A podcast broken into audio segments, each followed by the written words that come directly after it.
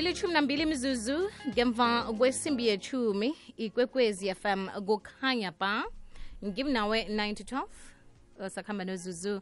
Njenganje sithi ngidlulile ngaphila. Sifumana indaba yempilo ya kungelesine senza njalo msi ngidlulile ngaphila. Sinomuntu owabelana nathi ubuhlungu nobudisi adlule kibo namhlanje sikhambisana nomresi teledi umlingisi kumabonwa kude hlangana nokhunye akwenzako uyakhuthaza nokukhuthaza umresi hmm. okuvelako ke ngokuthi wakhe wabotshwa mresi kunjani Hello, Zuzu. Hello. Good morning. Hello. Unjani? ngikhona kunjani? Ngikhona. okay okay. Namhlanje wenzani race nakungelesine nje vane vane wenzani wena? I-time- i-timetable yakho ithini? Kamba njani Um namhlanje esinama meetings angithi umuresi u-CEO wa we uGozi Solutions I've got my own company so I've got meetings lined up nje Mm. after le interview le. Tata girl. Ukuxoxa nawe uzamisile Oh. mawuhleli nje uzayithola kanjani uhlele khonini ngiyakutshela wena ceo ayi. Yebo. Okay. Hayi ngiyakuvuma. Um okay. So muresi hlangana nokuthi we- wena nekhampani yakho ngapha uyalingisa um uya-actor uzenza njani zonke into isikhathi sakho kanti sikhamba njani? Sure i make time. Ngiyazama ukuthi isikhathi sami ngisijakile okay. Because i run my own company eyami. Mm. so mang-actor meaning isikhathi sami soku-actor and then if i have to run my own company i run my own company so Oh. ngiyakwazi nje ukuzibamba nje zoyi-two okay clash as clash yeah all right yeah I- ikhampani yakho ikuphi Um, uGozi usedube. Um, I'm still working from home. Mhm. Ngiphume sengina sengina 6 years ngiphumile. Yeah, sengina 6 years ngiphumile. uGozi month inspiration. So its primary focus it deala nge-corruption, nge-fraud, nge-theft, ngama-work ethics in a oh, workplace. oh okay So that's what I deal with. So ama-company angibiza um Mm. bayatshontsha ama-employees wakho ngeza mina i inspire ama-employees nge-story sami and i bring a solution oh okay ngiyathola bese nakufika isikhathi sokuchuda wenza njani angithi ma ama-bookings laba laba abafuna ngishuthe ngi-acte baya-check ukuthi am available on that day. If ngibhukhiwe kuqala Mm. uh example u-standard bank it's my biggest client. So mabangibhukhile then we need to reshuffle. Kuyareshafuliwa yeah okay yo ubusy. Alright umresi uthi usebenzela ekhaya edube. Yeah, mntwana wedube vele ukhulele khona ubelethelwe kuphi ya ngikhulele edube umntana sedube idube ikafilama ya ngikhulele khona nje. Umntana sedube okay. Um nawukhulako bewumntwana onjani njengoba sewenza izinto eziningi kangaka nje empilweni?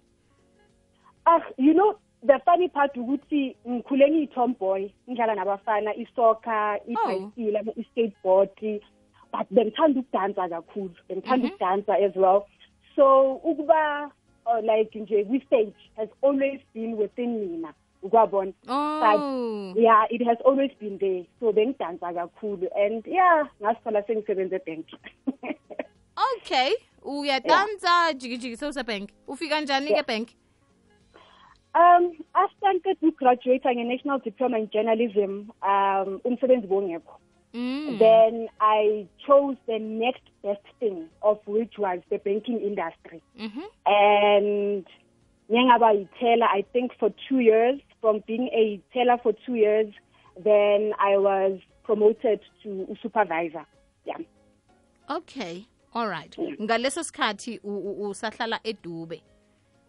Yeah then mangithola umsebenzi ngihlala ekhaya and then i moved out got my own place and yeah. Oh ekhaya u- uphuma emndenini onjani baba abantu abanjani?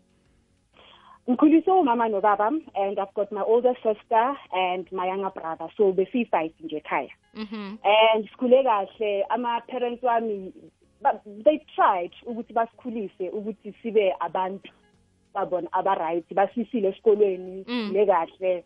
And yeah ayikukho engingakusola nje ngalokho ngikhule kahle bangikhulise kahle abazali bami. Oh yoke into beyikhamba kuhle. Ya konke bekuhamba kahle bese ukufunda um na usakhulako i-primary um high school ufunde kuphi Um, i-primary, it was la around Edube, i-Mkhulukwani primary. Then I went to a task academy, base Mayfair. And then tertiary level, Mekiluko LMB campus. Kona manje sebathini Tamelim. Yeah. oh uya So uya- that-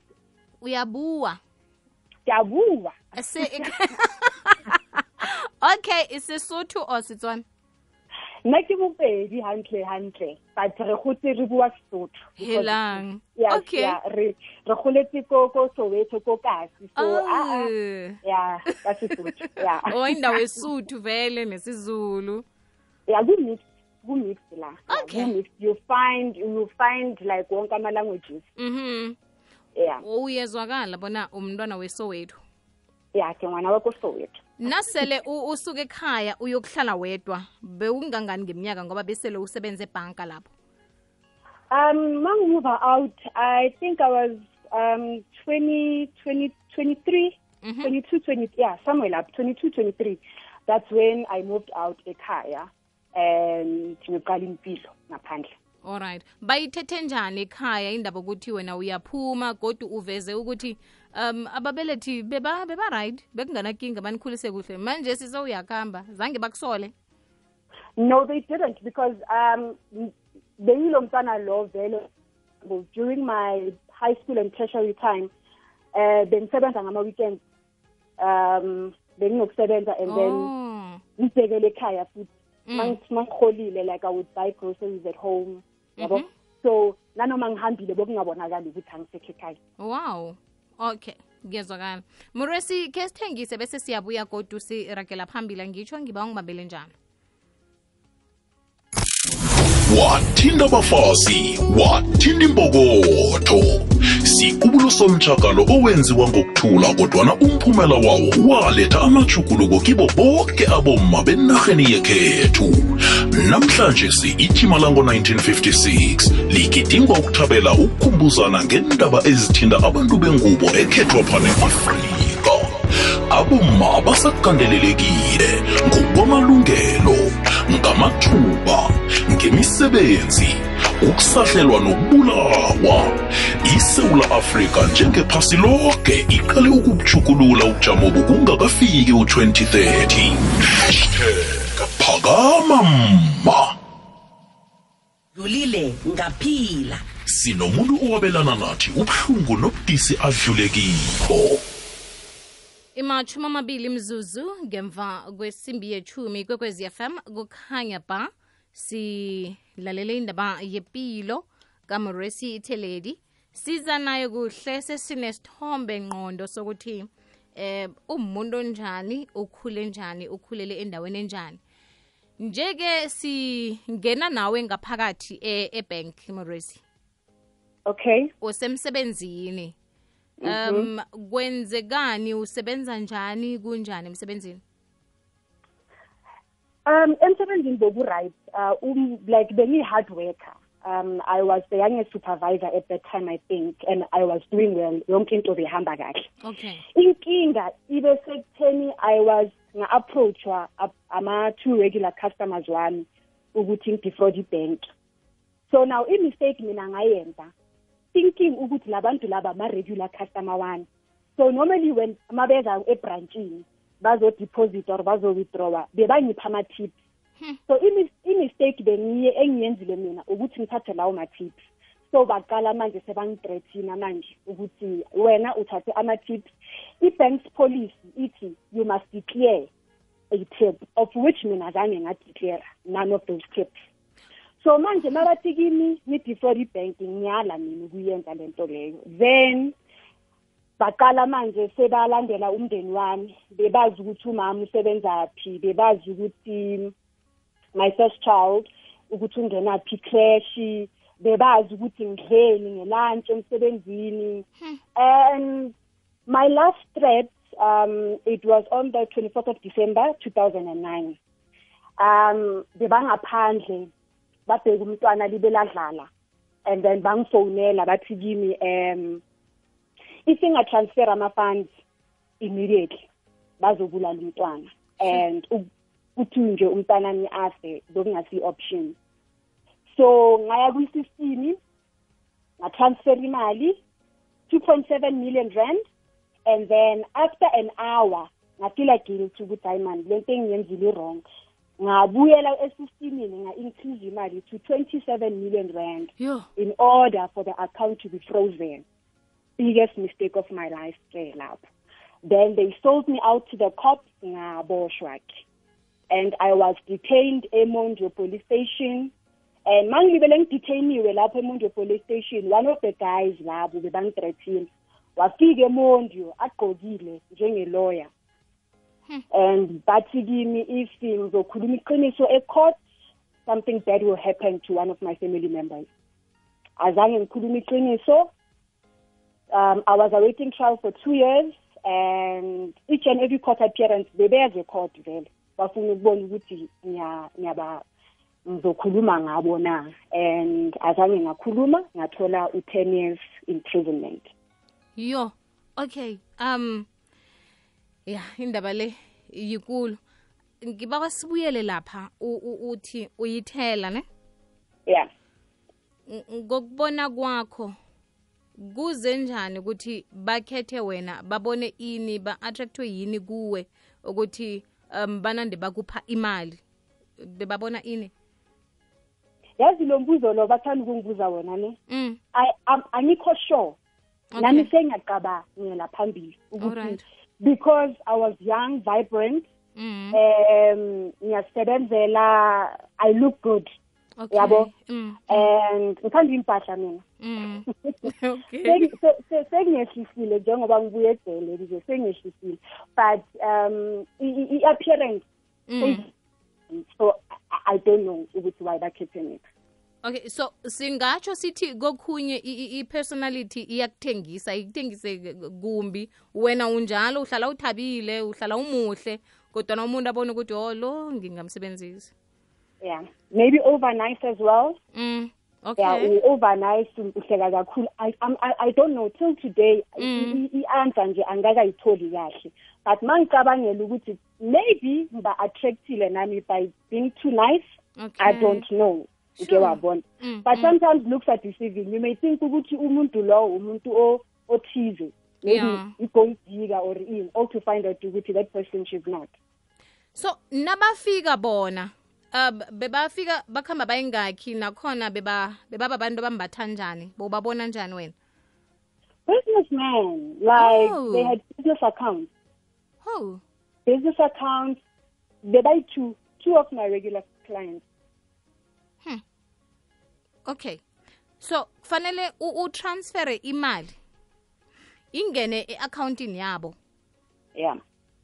2.7 million. Yes.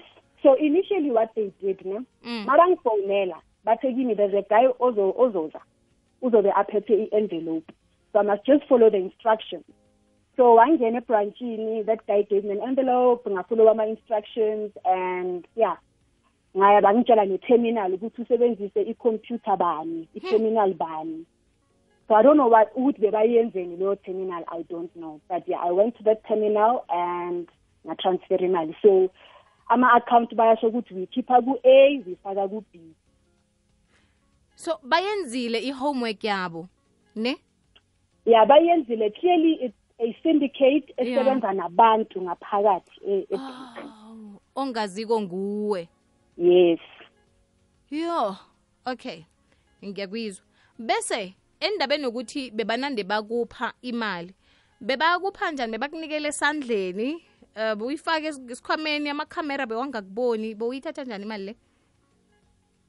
Um the first tip ne bokuyi-voucher kwabona like ukuthi um uzothenga uzothenga lunch Mm. i won't name i won't name the store but Yeah, um bekuyivoucher yaleso store all right Uh, and I went and I bought lunch lapho.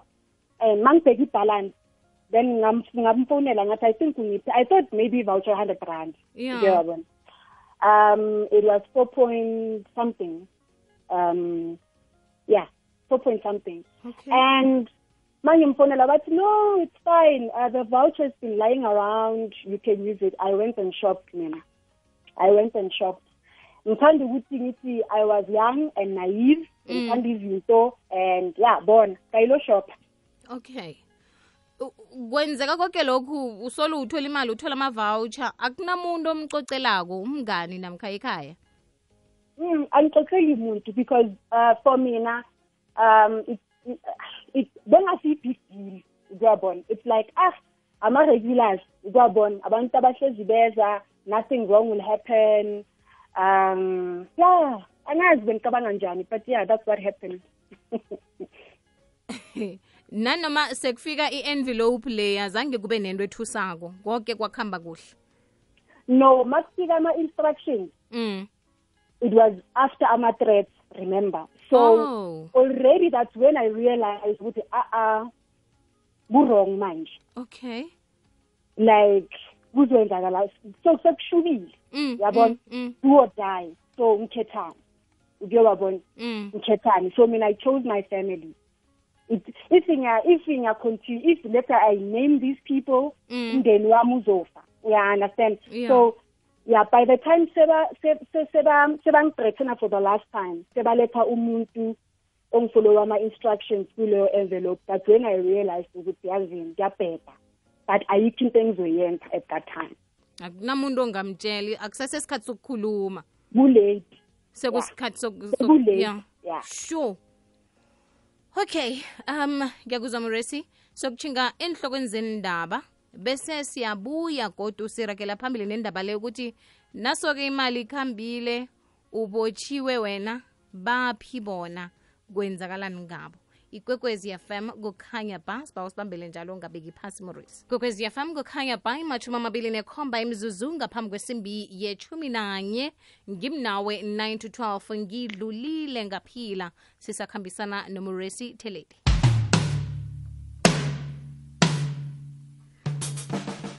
moresi ngiyathokoza ukungibambela njalo. Siragela phambili-ke nendaba ethu um sitholile lapha ubotshwa khona? Ya. Sewusecourt nje nakhona-ke abantu abasolo bayakulandelela bayakuthusela. Kunjani ngaphakathi ecourt ngoba ngicabanga ukuthi uqalene nobudisi bokuthi ubotshiwe cabanga umndeni nakho napa nabantu abasolo bayakuthusela and uku- kuba sejele nakho kukodwa nk- ngokhunye Be- bekwenzakalani kuwe ngaleso sikhathi Um, mangiboshwa, I was pregnant with my second son. Yo. Yes, and I'm with two. In my mind, nale mentality yokuthi umuntu pregnant angeke aboshwe. In- In my mind, ngitshela ukuthi ah, ngizothola ibail. Ukuyabona, naleyo hope leyo. mm. Then um azange ngayithola ibail. I was awaiting trial for 2 years. And ukuya ecourt ngi-pregnant already. Kustressa umndeni wami. Kuyangistressa nami nje. Ngatholela nomntwana ejele so my second born um, was born and raised ejele for two years. So i-court nje ibuhlungu um more especially y- ufuna ukukhuluma but awukhoni uke wabona. Mm. and u- ngifisa ngathi kungaba i-investigation ingaphela every time mangecourt ngitshela ukuthi eish i wish ba-investigatile i wish i- yabona? Mm, nalawo ma-wish all to find out ukuthi nothing happened um yeah. Investigation nje azange yathena. Ukwabona those guys it, it clearly they are a huge syndicate. Ukwabona Sure. they, they know people from high places. So yeah and ngathola u-ten years ke imprisonment. I- inzathu zokuthi ungatholi ibheyili kwathiwani ah baye bathi ngi-flight risk. Yo. Bengine-passport yeah. Okay. Mhm sekusatshwa lokho nje kuphela. Sekufanele uyokuhlala uhlala iminyaka emibili sola wakagwetshwa ya ngakagwetshwa ngihleli two years ngihleli two years ngathola isigwebo. After two years then after two years khana ngiqala ngikhawunta u-ten years. U-two bala i-two years le ayibalwa? Ayibalwa. Ayibalwa leyo two years. You are awaiting trial. Yo yo yo. Umncani umncani mresi um umuntu othanda impilo um umuntu ohlala thabile nakho sewuvalelwe kwenzakalani? Usendaweni enjani ngaleso sikhathi na ulinde i-trials? Cabangeni namkha sikhumbule ukuthi nangumntwana usendleleni. Yeah I- I- mang- mangiku-awaiting trial ne? Mm. se- se- sengishifta my mind i-mindset Mm. ukuthi should ngigwetshwe u- yabo isigwebo mm, ngizosiphusha kanjani? Mm. sengishintsha i-mindset because sengiyabona ukuthi manje ngiyagwetshwa I- i- i-case ayi- ayi- akushintshi like ngiyawela emgodini. Mm. and then ngenza i-introspection manje ukuthi if ngiyagwetshwa ngizoseva isigwebo sami kanjani. Okay. But what I did ngashifta my mind. Seng- sengifuna ukuphuma ngaphandle manje sengifuna ukuphila impilo yangaphakathi and ngitshintshe impilo yami to become a better person. That's what I did. Ngazitshela ukuthi ngizofunda ejele. mm. Ngizoyenza ama-programs wejele ngiyowathatha positively ukuthi atshintshe impilo yami. Ngazitshela ukuthi ngifuna ukuphuma ngumuntu ongcono angifuni ukuphuma ngegama lokuthi uma ngikhonjwa bathiwa kuthiwa yibhantidi siboshwa i want people to see um i-correctional facility as a, a, a center echange a human behavior. Okay. Yeah. Wow. Um wagwetshwa-ke wa wangena ejele kwakhonakala na ukuthi lezi zinto bewuzicabanga ukuthi uzozenza lo muntu othi uzokuba nguye um uzokuba nguye kwa- kwakhonakala ukuthi kube njalo? Yeah definitely because benginedayari then ithema abathi ten years imprisonment ngazipositiona-ke ngathi okay sengiyabhantisa manje ngiphusha isigwebo. Then ngarejista no-unisa ngagraduata ne ne ne ne um um what's this uh, university um johannesburg university? Okay. Nga yes ka yetsa le bona ka graduate nga graduate khona. And then i got best actress award in prison. I got best act bona best public speaker in prison. Ngenze izinto eziningi ngaphakathi ukutshintsha impilo yami. Hmm. uhlangane nabantu abanjani na ufika ngaphakathi? Bowuphila nabantu abanjani ngaphakathi ah kunzima. Um kunabantu abaphuma eperu kunabantu abaphuma eghana kunabantu bona Mm. all over the world. Drug trafficking murder fraud you name it. Sesihlangene singabantu besifazane under the same roof. Hmm. then imagina leyo mpilo. 40 women in one cell. 40 40 women in one cell one toilet. Nawuthi sel utsho indawo engangani? Shu angazi imbhede iyi-40 Yo. mara isondene. Yabona isondene very small. Incane okay. I-toilet iyi-one ishower ziyi-two fanele nilindane kumele silindane Ne- masigeza Mm. masigeza siqala ukugeza ebusuku. Yazi ngiyahleka manje because- bekuse. Solo nagesi yeah yeah. From 12 amandla yaqala yashift then siyavusana-ke nge-row. Then ekuseni makuthiwa parade ngo-half past seven then that's when ke siyaphuma everybody must be nice and clean imibhede i-clean si-clean um iseli clean then we parade then bayacounta-ke yo okay. Ngiba ungibambele njalo siyithengise siyabuya. Okay cool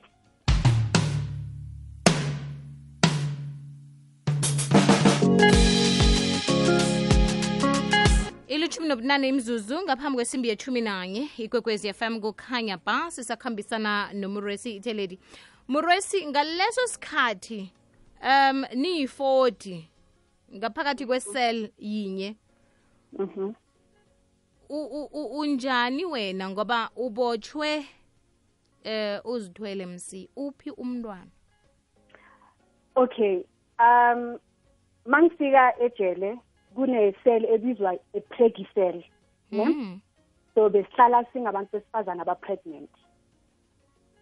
So ukhulisa mawuthola umntwana you move to hospital section. Then umntwana masekakhulile i think makana 8 months or yeah so then we are we are kwi mother and baby section. And mangiyohlala na this 40 women sengimkhiphile umntwana sekabamthathile ekhaya. Then during the 40 women process ngihlala nabo then i realized ukuthi angibelongi la like kune noise nje kuyaliwa kwaba Mm. like it's chaotic. That's when we decide ukuthi okay fine let me go and study. Then bangimuva kena bangisa to a study section. Then lapho it's a single cell. Umbhede i-toilet isink about five steps six steps not more than that. Umbhede itoilet isink yeah it's a very small room nje enombhede ne-toilet nesink konke kula? Yes konke kula. Kuseduze like um benginokufisa ukwabona ufisa istep ses-seven ses-eight Mm. kodwa uvalele ijele basivalela ngabo three two o'clock in the afternoon basivulela the following day ngabo half past seven eight plus minus sixteen seventeen hours uvalele so ukhathele manje ngathi ungathola istep ses-eight istep ses-nine ngathi unga- ungashawa ilanga. Akukho konke lokho. Awuliboni ilanga? Ilanga awuliboni. Awuliboni. Lapha banihlalisa khona u- ungakatholi umntwana usesesidisi ni- nithola ini lapho niyahlogonyelwa kunjani? Yes kunabosista kune-hospital section. Okay. Kunabosista bayakuchecka and mm. then bayakuthatha bakuyisa ebhara. So ba- they bak- bakuthatha from a-prison basise ebhara hospital then basichecke get proper check up abodoktor basebhara. Even when you give birth bayakuthatha. Ma uthola ama-labor pain bayakuthatha bakufake emotweni bakuyise ebhara utete ubuye phakathi ejele. Kunabosista phakathi mm. ejele Mm. kunodoktor phakathi ejele yeah sewuhlukaniswa nomntwana nje kuphela komuntu ochidelene naye ohlobene naye bese kuba njani-ke afu bekubuhlungu kakhulu because of eh, um- umntanami bekuwumuntu ongishera naye i-pain kakhulu mm. bengixoxa naye ukwabona um bekubuhlungu uh, uh, the night before bazomthatha ne Mhm. ngenga ngiyapakisha impahla i think ngiphekhile nga-unpacka maybe four or five times ngingakhoni ukuhlukana nomntwana but i had to let go because umntanami kade angazi nix u-innocent kumele aphume ayophila impilo njengawonke umntwana ngaphandle. Ubabakhe uphi ngesikhathi eso? Ukhona. Okay azange bamthathile ya bamthathile bazile bamthatha nomndeni wami nobaba wakhe.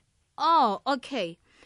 Bese eh, yo morosi indaba le ekhaya ba- bathini? Ngoba ngesinye isikhathi ubudisi obukhulu obuba semahlombe akho ngicabanga ukuthi kungakholwa babantu ophila nabo. Ekhaya bayithatha njani indaba ukuthi nakho sewubotshiwe kuthiwa wenze lokhu nalokhu? Bathini um boku bokunzima kakhulu bekunzima ibi-process ne ye-court um for two years kakhulu bokuzuba bami my- Alright. umamami uma wami bekasaba bekasaba kakhulu umamami and then ithe mangigwedwa ubabami kade angakhoni ukustenda ukuthi ngigqoke i-uniform yasejele then ngavizipha uma wami so okay. baye baswabha labantu ngewabona Mm. ama-parents wami were torn. I- I- like beba-disappointed kakhulu. Umamami there was a point angivisitha ngimbona ukuthi ya aka-amukeli ngathi yazini a- akungcono ukuthi uhlale kancane ungasang- ungasangivizithi uphole uyamukele ukuthi ngihambile. Yabo yonke le minyaka ngizobe ngingekho and then zothi ma uyamukelile then uzoza. Bebakholwa ukuthi uyenzile into obotshelwe yona bakuthatha njengesigebengu um namkha bayazwisisa ukuthi usetshenzisiwe? The the only time kithi bafinda out iqiniso it was when ngenza i-media interview phakathi ejele. Sengikhuluma iqiniso manje sengikhuluma le story lesi engidecide ukuthi ngifuna ukusishare nomhlaba ngibonisa ab- yabantu besifazane ukuthi awungaweli kulento engiwele kuyo. Hlonipha umsebenzi wakho. Today ngine-criminal record angikho employable mina. I wanted to show young women ukuthi there are beautiful women. Kunabantu besifazane abayile esikolweni abangaphakathi emajele. Hhayi ukuthi yigebengu. It's Mm, because mm. bayenza ama-choices are-wrong okay. Ngakuvala umlomo. Yeah yeah. Ya wapheleka. Ngicabanga ikhambo lakho um li- libhlungu nawo uthoma impilo kamnandi usesemutsha bese kwenzeke lokho kwenzekako sewuyokugwetshwa vele sewuqalwa njengesigebengu ya um iminyaka le minengi 10 mhm. Uphi umntwana nje? Uh, umntwana she's doing well. Um yeah uright and uyazi ukuthi kwayenzakalani and yeah ushap umntwana. Mhm. Kile 10 years bowuphatheke njani ejele ngaphandle kokuthi wena wazikhethela ukufunda um wenza umehluko ngempilo yakho ijele la kwenzani? Ngoba omunye umuntu uthole uthola ukuthi mhlambe njengoba bewungasiso isigebengu kodwana na uphumako khona-ke uthanda ubugebengu.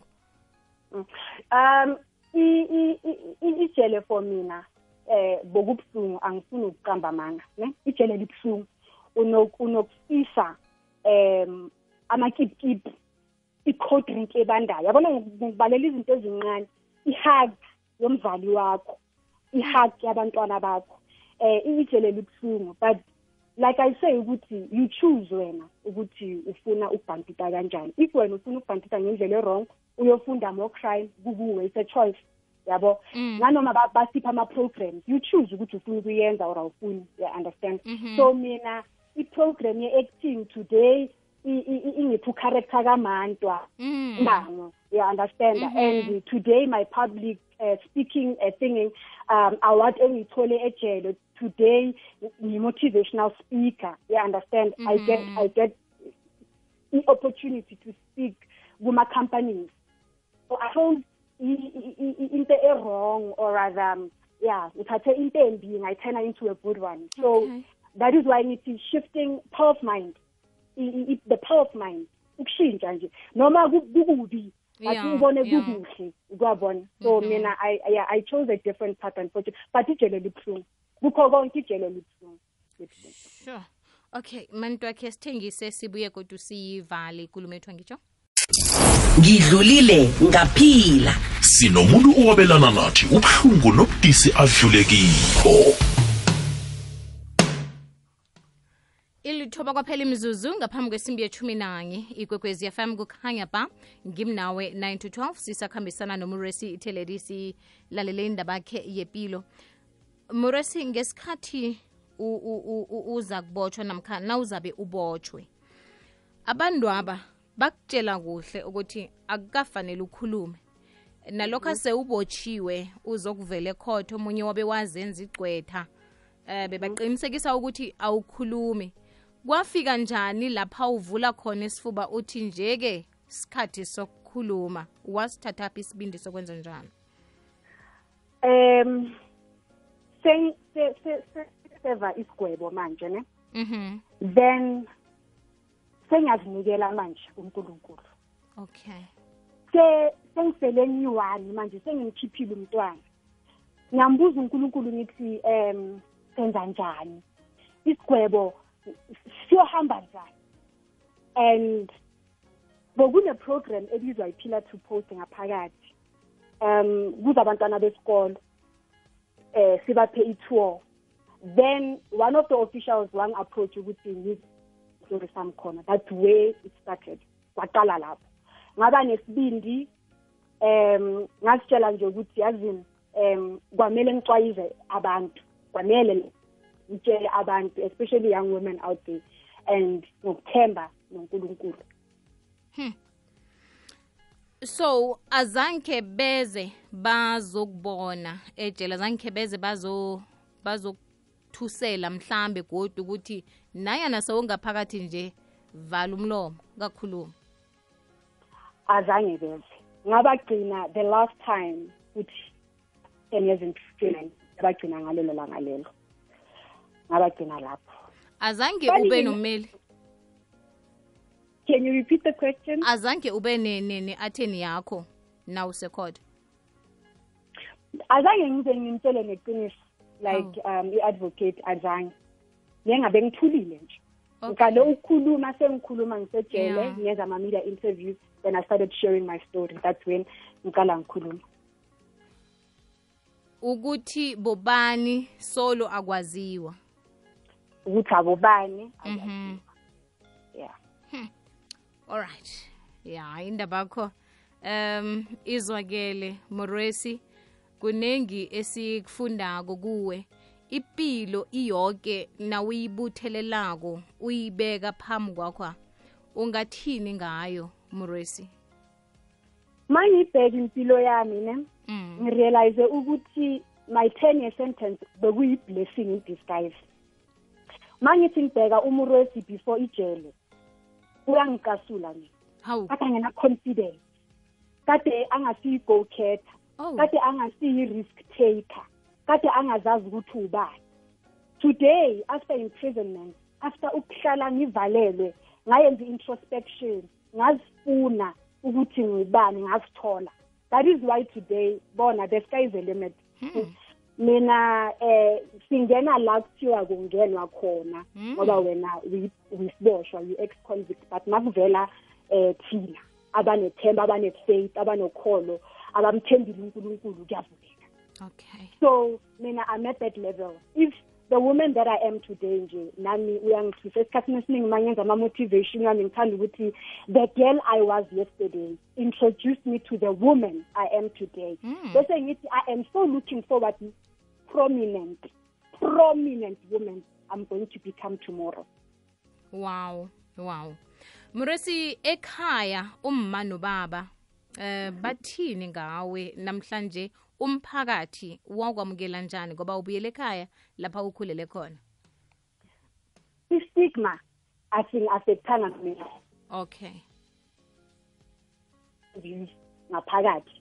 My first interview it was with SABC bathi kimi bafuna ukuvala ubuso ngathi ningangivali ngifuna abantu besifazane babone ukuthi eh kunabantu abahle ngaphakathi emajele ukwabona. Not Mhm. only ama hardcore criminals so already umphakathi bowazi ukuthi ngiboshiwe. So mina mawuzothi kimi ngisiboshwa like angistigmatize and then umamami nobabami asize lapho. They are so proud. Today umamami bambiza ukuthi mama mantwa. Wow. Mama mantwa wakomo bami my dad as well. Like sekushintshile manje. Abasabizwa ngamagama. Wow. And they are so proud ngaleyo ndlela leyo ukuthi at some point ubabami nomamami bayababuza like esiqadeni ukuthi umntwana wenu ngempela lo mm. ubrave lo mntwana wenu? Kwabona uhlakaniphile lo mntwana wenu. So yeah they are so proud ukuthi from coming back ejele azange nga- nga-alawa i-stigma or eh ukuthi ngibuye ejele kungi-affecte so mina yeah basically it's that. They are so Okay. proud of me. Alright. yeah. Wow kuhle siyathokoza mresi. Um nendaba ukuthi si sihloniphe umsebenzi khulukhulu nje. Uyabona ukuthi impilo ibudisi kangangani? Umsebenzi ayikho. Baningi abay- aba- abayifunako baningi abadlala ngayo. Um lapho khunye umuntu akaziboni ukuthi uzifake ekingeni ngento azenzako. Kodwa siyafunda endabeni empilo yakho yeah wow. Um enkundleni zokuthintana inomboro zomtato nange unganakinga ukusipha zona morwesi sikufumana njani? Um email address eh murwesi 101 amanamba ne ezinamanamba murwesi 101 at gmail com. Murwesi 101 at gmail com. Instagram murwesi 101 facebook murwesi Te- Yo, I just joined e, e TikTok. I think I'm still into social media. I'm so adjust. Okay. I'm so adjust. Yeah.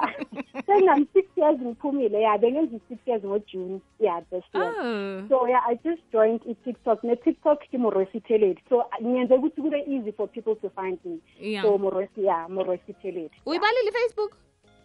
Yes, i Facebook morositeledi. Okay. Yeah and then tiktok Morosi teledi Mm-hmm. and then instagram Morosi 101 and then email yeah Morosi 101 instagram kunalapho bale khona inumber kuna whatsapp eh email address Okay. professional Ooh. professionalism no mabangisendela ama-emails Okay. bangi-inboxe and -hmm. yeah yeah wow muresi isithokozile ukukhulumisana nawe ngitsho yo bona sis i had a very very beautiful interview ngiyabonga kakhulu it was nice. The conversation yeah was overwhelming. Wow. ngiyabonga kakhulu let's hope um masithinte nje impilo eyi-one. Mhm. sesithinte umphakathi wonke ubonge mina. Aha ke bye bye muresi bye